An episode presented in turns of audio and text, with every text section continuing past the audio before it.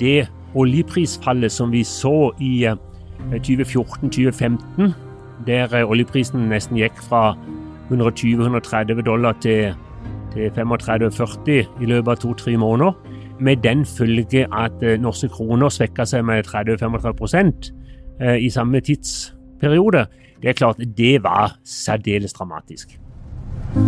Hva må du egentlig gjøre for å være konkurransedyktig i en tid hvor verden stadig er endring? Du lytter til Næringspodden fra Sparebanken Sør.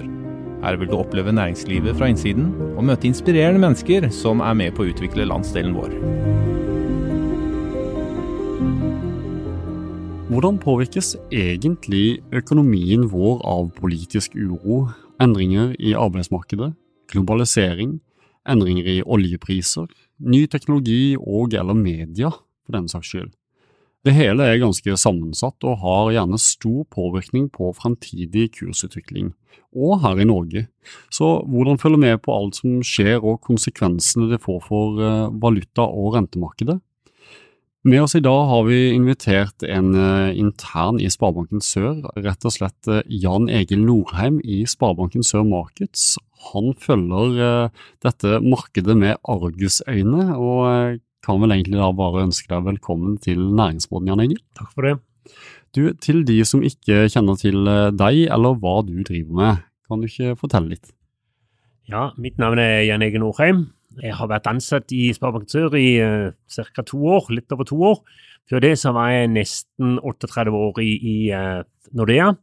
Bygde opp det som vi kalte Nordea Markets, dvs. Si en avdeling for uh, sikring av rentestrukturer, uh, valuta og sånn, uh, for kunder som da enten hadde store næringsbygg eller mye gjeld som de da ønsker å, å sikre renten på, eller kunder som hadde handel med utlandet, privatpersoner og sånn, som da ønsker å sikre seg når de da gjorde forretninger med utlandet, for at ikke de skulle få Eh, enten miste nattesøvnen eller eh, da få ubehageligheter ved at kursen ble mye høyere. Og dette markedet her og de rådene du gir, eh, det krever jo at man følger med på det som skjer. Kan du si, er det, er det enkelt landskap å navigere i? Nei, Det er vel utrolig vanskelig landskap å, å, navigere i, og det er vel det som gjør at vi som regel sier at det er ikke sikkert at det vi sier om retninga alltid blir riktig. For det det er utrolig mange ting som påvirker hverandre, og som påvirker egentlig eh, sluttresultatet, sånn at det er vanskelig å sette to streker under, under det vi tror. Eh, for det det kan gå den veien, og det kan også faktisk gå den andre veien. Og nettopp de antagelsene og de eh, teoriene dere har, eh, har jo du vært eh, flink til å dele med kunder av Sparebanken Sør i, eh, i noen år nå. og nå har vi tenkt å gjøre noe med dette her, sånn at enda flere kan få verdi ut av innsikten dere sitter på.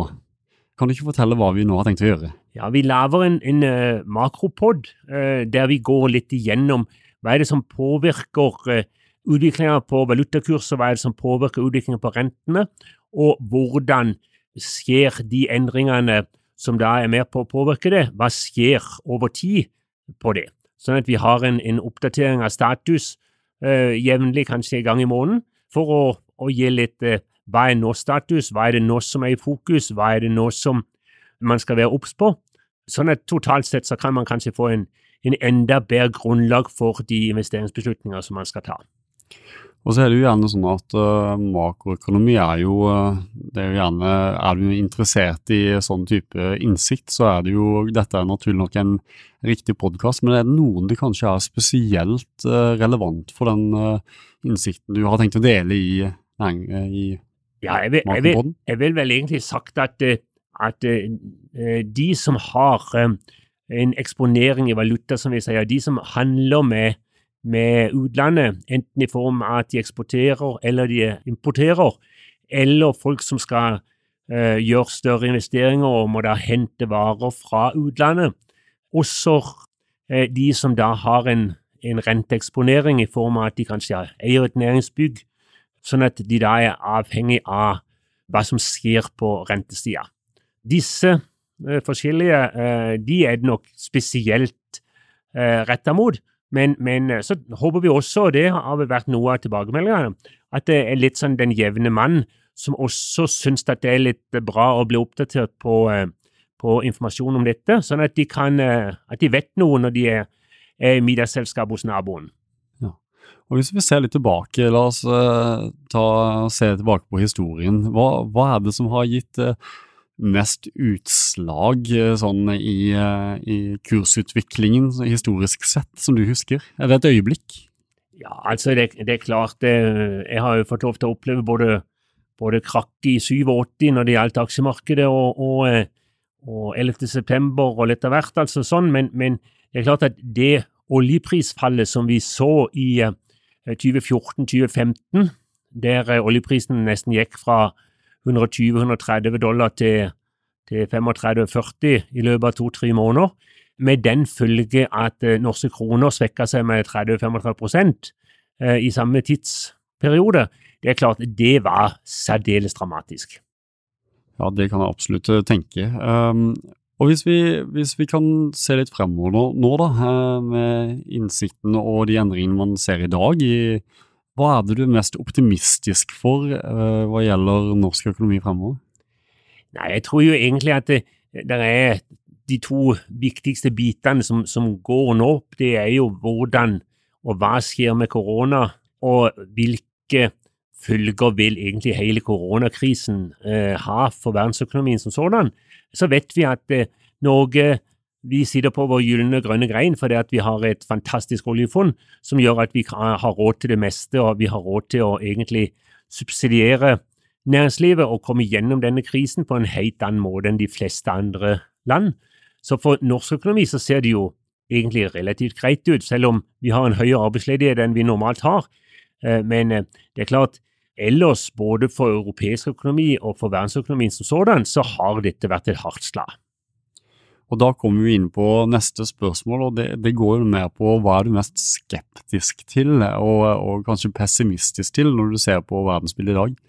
Det er klart det, det, Den andre tingen som kanskje vil være veldig avgjørende hvis vi ser litt sånn eh, kort sikt, altså innenfor det nærmeste året, er jo hva som skjer 3.11. i USA valg i USA.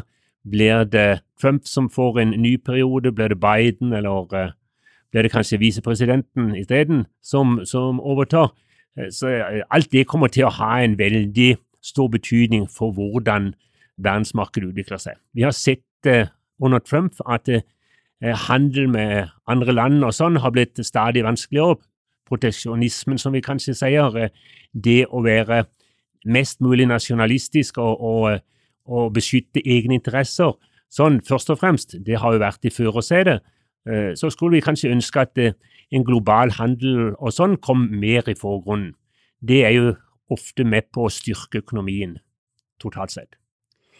Og hva slags konsekvenser nettopp den polariseringa og uh, alt som skjer og foregår nå i USA, uh, ønsker du å vite mer om uh, hva konsekvensene er av nettopp det, så råder jeg deg til å gå inn på Makropodden i din podkastspiller, eller sør.no slash makro der, altså. Her vil Jan Egil gi deg bakgrunn for hva som skjer i valuta- og rentemarkedet ca. én gang i måneden. Makropodden i din podkastpleie God lytting. Du lyttet nettopp til næringspodden av Sparebanken Sør. For flere episoder, gå inn på sor.no. slash podden. Her kan du gi ris eller ros, samt tips til andre næringsdrivende vi bør intervjue.